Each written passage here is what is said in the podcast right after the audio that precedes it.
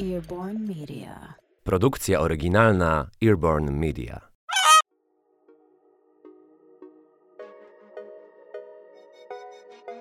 Od lat prowadzę degustację. Uczę, piszę i opowiadam o winie na moim kanale na YouTubie, ale wino. I od lat zaskakują, a może bardziej dziwią, dwa pytania, które dostaję od początkujących winopijców, od widzów, czasem od wiozących mnie taksówkarzy albo obcych ludzi w pociągu, którzy jakimś cudem rozpoznają mnie z ekranu YouTube'a. Na jedno z nich odpowiedzi nie mam i nie lubię udzielać. Na drugie mam, ale tak długą, że potrzebny jest podcast. I stąd ta forma komunikacji z Wami.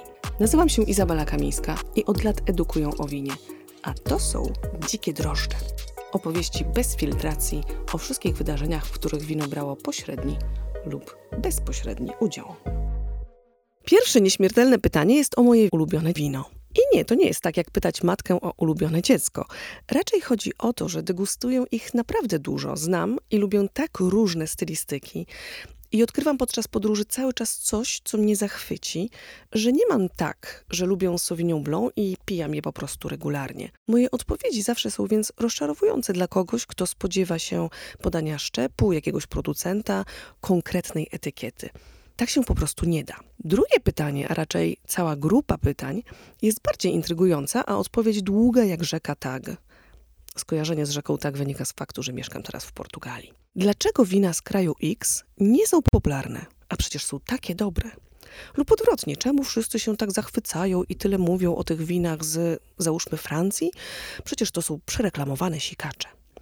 Nazwy krajów ogólnie padają różne, ale często powtarza się kilka. Zazwyczaj winopijcy pytają mnie o przyczynę braku popularności lub też mały wybór win z Rumunii, Gruzji, Mołdawii, przy okazji dopytując mnie, co ja tak w ogóle o nich myślę. No więc dobrze. Zabierzmy się za ten temat na przykładzie Mołdawii, bo jest blisko Ukrainy, a mówić dziś będę o polityce i o tym, jak wydarzenia polityczne, wojny, niesnaski, przeciągania ekonomicznej liny między krajami wpływają na produkt, wydawałoby się tak od polityki odległy, tak romantyczny jak wino. Zatem Mołdawia wchodzi na tapet dziś, ale Gruzja to też świetny temat na kolejne nagranie. Mało znamy mołdawskich win. Coś czerwonego, półsłodkiego czasem znajdziemy w supermarkecie na dolnych półkach. W Warszawie akurat mamy miejsce promujące mocno wina z tego kraju, więc w stolicy winopijcy mają dostęp do ciekawych butelek. No ale nie oszukujmy się. Stolica to nie jest Polska i fakt jest taki, że mimo, że trudno znaleźć na świecie kraj bardziej winny niż Mołdawia, to jednak mołdawskie wina – nie mają ani renomy, ani popularności win z Włoch, Chile czy Australii. Mołdawia ma około 110 tysięcy hektarów winnic, z których produkowane jest wino do oficjalnej sprzedaży i kolejne kilkadziesiątek tysięcy winnic na własny użytek ich właścicieli. Prawie każdy Mołdawianin ma coś wspólnego z produkcją, marketingiem lub sprzedażą wina. Winorośl jest absolutnie wszędzie, nawet na malutkich balkonikach blokowisk stolicy.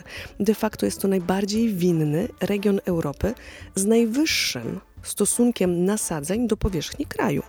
Winorośl uprawiana jest na tych terenach od 7 tysięcy lat, ale największy wpływ na styl wina i ilość produkcji miała, uwaga, Rosja i Związek Radziecki. Już w XIV, XV i XVI wieku wino z Mołdawii eksportowano do Rosji, ale też do Polski na przykład. Zresztą pozycja Mołdawii umożliwiała transport Dunajem, Dniestrem czy Morzem Czerwonym i bardzo wpływała na pozycję na światowych rynkach. A wina uznawane były w XVIII wieku za lepsze od tokajów. A przecież wszyscy znamy powiedzenie nie masz wina nad Węgrzyna.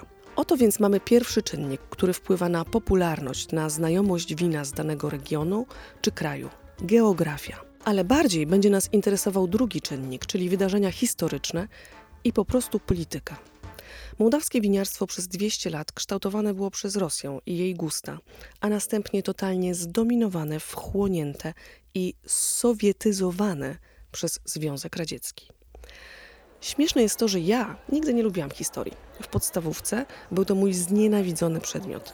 A na studiach z kolei jedyny egzamin, którego nie zaliczyłam, to była historia Francji. I tak się potoczyło moje życie, że dziś zajmuję się winem i chłonę historię jak gąbka, bo okazuje się, że to historia właśnie tworzyła ścieżki wina, które zawsze gdzieś wygrywało lub przegrywało na europejskich i światowych frontach. W 1812 roku wschodnia część Mołdawii, Besarabia oraz Budziak zostają zaneksowane przez Rosję i zaczyna się kształtowanie produkcji na modłę zwycięzcy. Druga połowa Mołdawii po wyzwoleniu od Turcji należy do Rumunii. Interesuje nas jednak na razie część besarabska właśnie. Zaczęło się nie najgorzej, bo faktycznie Rosja zauważyła winny potencjał Mołdawii i wspiera rozwój winiarstwa. Powstają słynne winiarnie, które istnieją do dziś. Purkari albo Castel Mimi. Do tych nazw na końcu dodam kilka innych, których warto poszukać i ostatecznie zostawię Was z listą, dzięki której odkryjecie Mołdawię i tradycyjną, i Mołdawię nowoczesną. Tymczasem car Aleksander, fan wina, zachęca francuskich specjalistów do osiedlenia się w Mołdawii, a osadnikom z Niemiec i Szwajcarii, którzy znają się na uprawie winorośli, oferuje ziemię. Wspomaga powstanie w 1842 roku szkoły wina w Besarabii, czyli takiej szkoły enologicznej, która w tamtych czasach jest na absolutnie europejskim poziomie. Co to tak naprawdę wszystko oznacza? Nie tylko rozwój winiarstwa, ale po prostu zmiany, których skutki będzie można ocenić dopiero później. Bo kiedy przyjeżdżają specjaliści z Francji, to oczywiste jest, że będą wmawiać wszystkim, którzy chcą ich słuchać, że odmiany francuskie są lepsze od tych lokalnych. I oto zmieniają nam się w Mołdawii nasadzenia. Jakieś autochtoniczne szczepy typu fetaszka regala czy rara niagra zostają zastąpione szlachetnymi kabernetami albo merlotami. Taka francuska moda. Zresztą francuskie szczepy rozpanoszyły się po całym globie w różnych momentach historii i z różnych powodów, powodując dzisiaj dość dużą monotonię, jeżeli chodzi o wybór odmian. Obecnie wracamy do różnorodności i lokalności, ale to znów jest temat na cały oddzielny odcinek, bo to akurat temat, na który mogę długo i namiętnie. Tak więc winiarstwo się rozwija, ale także zmienia. Niewątpliwie mamy jakość, mamy również rozpoznawalność. Ale historia się toczy dalej. W 1918 roku wojska rumuńskie wkraczają do Besarabii i przyłączają ją do Rumunii. Mołdawia jest jak piłeczka, którą odbijają sobie te dwa państwa, bowiem w 1940 roku ZSRR odzyskuje tereny, co do których rości sobie prawa i od dawna ostrzy pazury. Powstaje Mołdawska Socjalistyczna Republika Radziecka. Rok potem je traci na rzecz Rumunii, ale już w 1944 granica mołdawskiej SRR zostaje przywrócona i utwierdzona paktem pokojowym w Paryżu trzy lata później. No i zaczyna się to, co spowodowało, że Mołdawia znika z winiarskiej mapy świata na dziesięciolecia, choć produkuje wina więcej niż kiedykolwiek. Bo dziś nie rozmawiamy o całej historii Mołdawii, rozmawiamy o tym najważniejszym punkcie, który spowodował, że mołdawskie wina nie były znane przez tak długo. Zaczyna się prawdziwy winiarski absurd, czyli sowietyzacja produkcji. Mołdawia miała jedno podstawowe zadanie: robić wino dla ZSRR. Dużo wina. Jeszcze więcej wina jak najwięcej wina. Ta niewielka republika odpowiedzialna była za produkcję jednej czwartej całej produkcji ZSRR. W 1983 roku Mołdawia była na szóstym miejscu wśród największych producentów wina na świecie. Czy to oznacza, że butelki pojawiały się na francuskich, angielskich czy polskich stołach? Bynajmniej. A co z jakością? Jakości nie było. Chodziło o wyrobienie normy zaplanowanej produkcji, a nie o jakość. Tylko ilość miała się zgadzać. Same wina często robione były z odmian dających wysokie plony, a niekoniecznie z odmian słynących z jakości. Raczej słodkie, bo rosyjskie czy radzieckie podniebienie zawsze miało słabość do słodyczy. Cała produkcja wina nie odbywała się też zazwyczaj w Mołdawii. Tu winogrona uprawiano, zbierano, wyciskano z nich sok, Owszem, przeprowadzano fermentację, ale następnie takie bazowe wino wysyłano pociągami do przetwórni w Moskwie, Kijowie, Leningradzie czy Władywostoku. I tam odbywało się kupażowanie i butelkowanie. Powstawał finalny produkt. Winiarstwo straciło swój rolniczo-rzemieślniczy charakter. Wina powstawały w fabrykach, gdzie Inżynierowie w białych kitlach decydowali o kolejnych fazach produkcji. Wina były słabe, ale ZSRR było z nich dumne. Ba, uważało, że są one warte przechowywania, w myśl powiedzenia, że wino im starsze, tym lepsze. Wszyscy dobrze znacie to powiedzenie, słyszę je non-stop.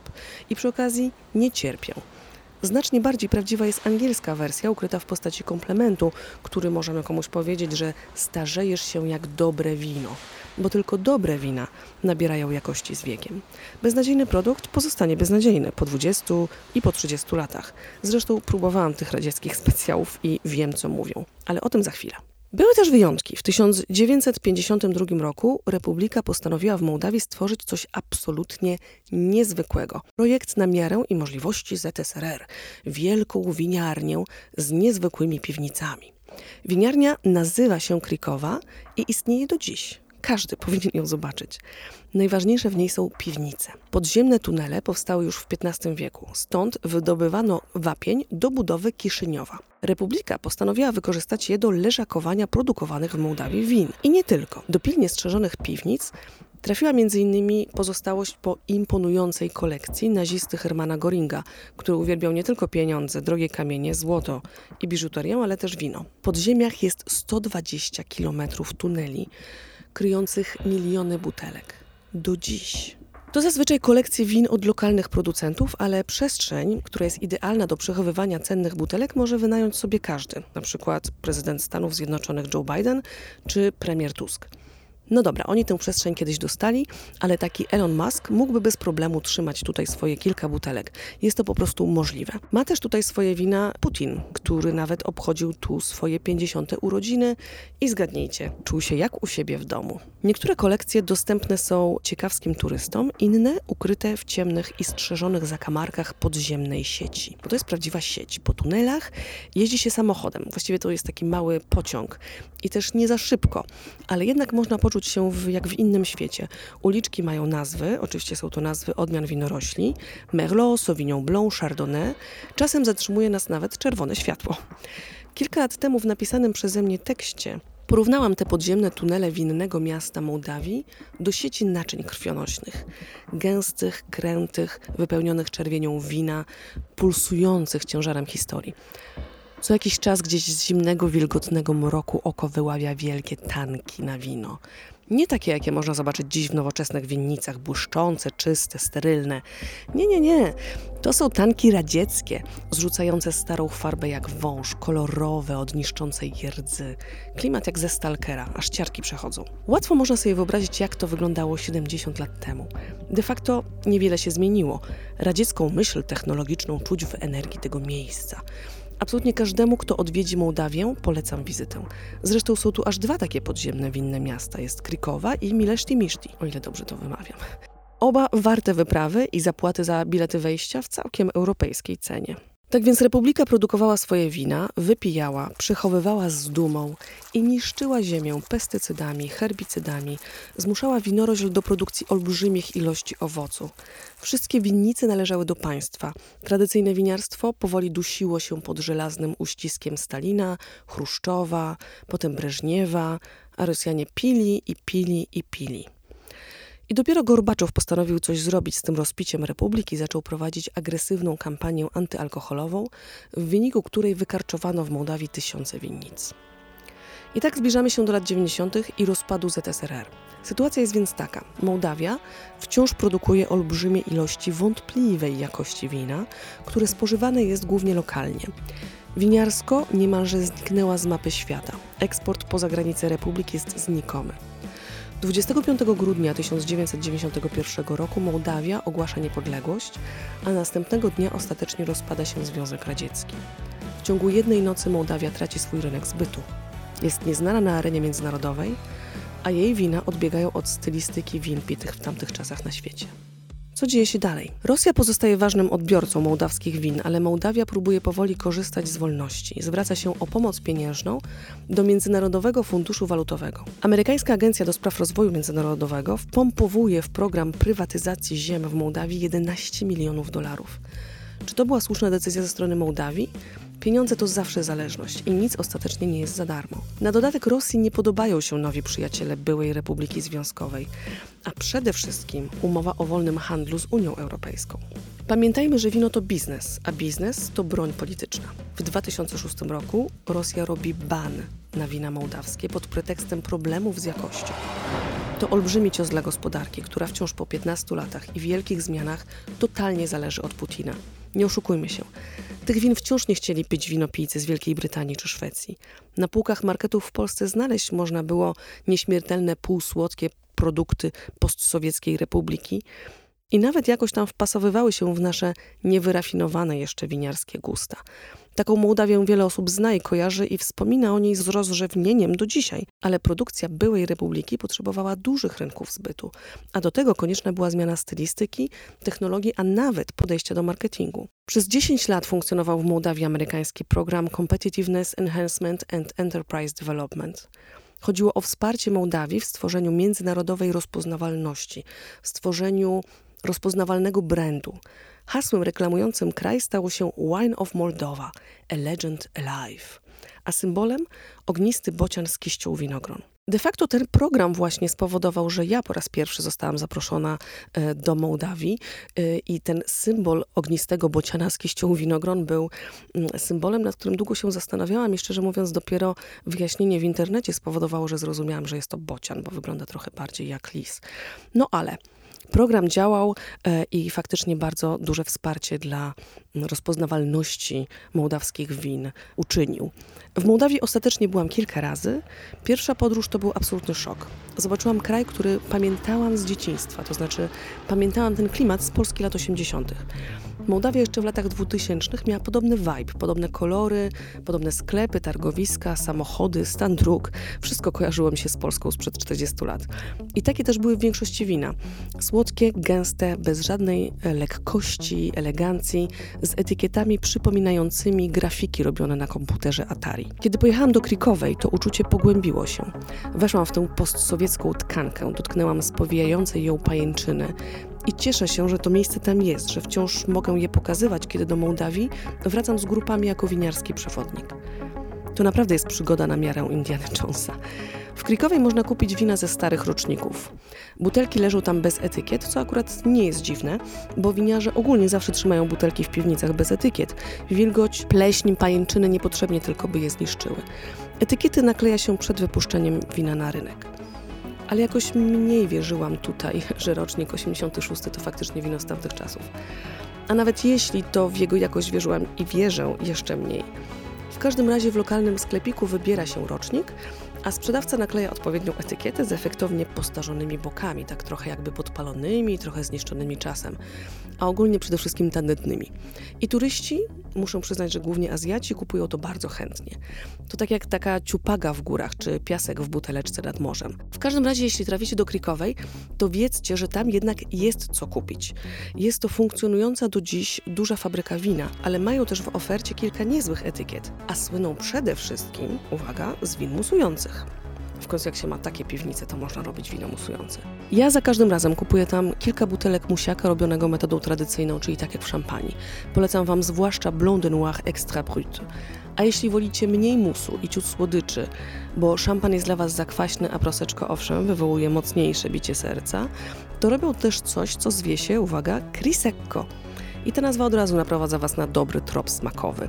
Z dobrych wiadomości, Krisekko można kupić w Polsce. Inne mołdawskie wina zresztą też, nawet te od lepszych producentów zaczynają się pojawiać w marketach, ale też w ofertach dobrych importerów. Bo jest tak, że Mołdawia dzięki gwałtownemu oderwaniu sowieckiego plastra tę ranę wysuszyła, wyleczyła i dziś coraz częściej bryluje na salonach. A ja mam uczestnikom degustacji lub wycieczek co pokazywać.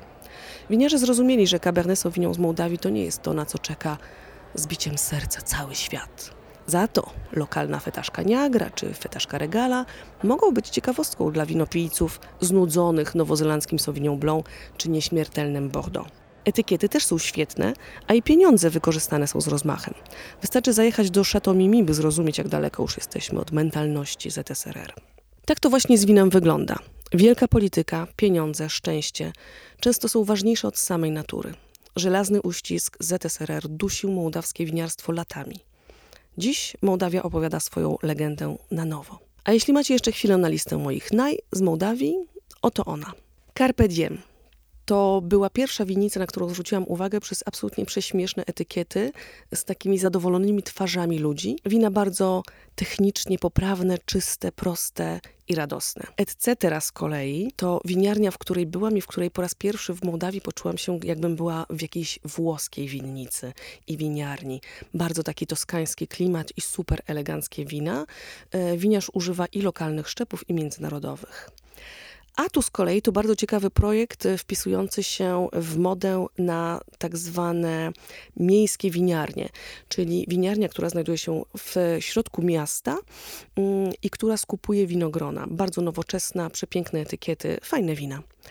Equinox. Equinox to jest pierwsza biodynamiczna winiarnia e, i winnica w Mołdawii, równocześnie robiąca na przykład ciekawe bardzo wina pomarańczowe, ale wina pomarańczowe też znajdziecie od producenta Gogu. No i mój ulubiony producent, najbardziej interesujące, wielowarstwowe, eleganckie wina od Nowaka. To wszystko na dziś. Szukajcie historii w winie i pijcie odpowiedzialnie.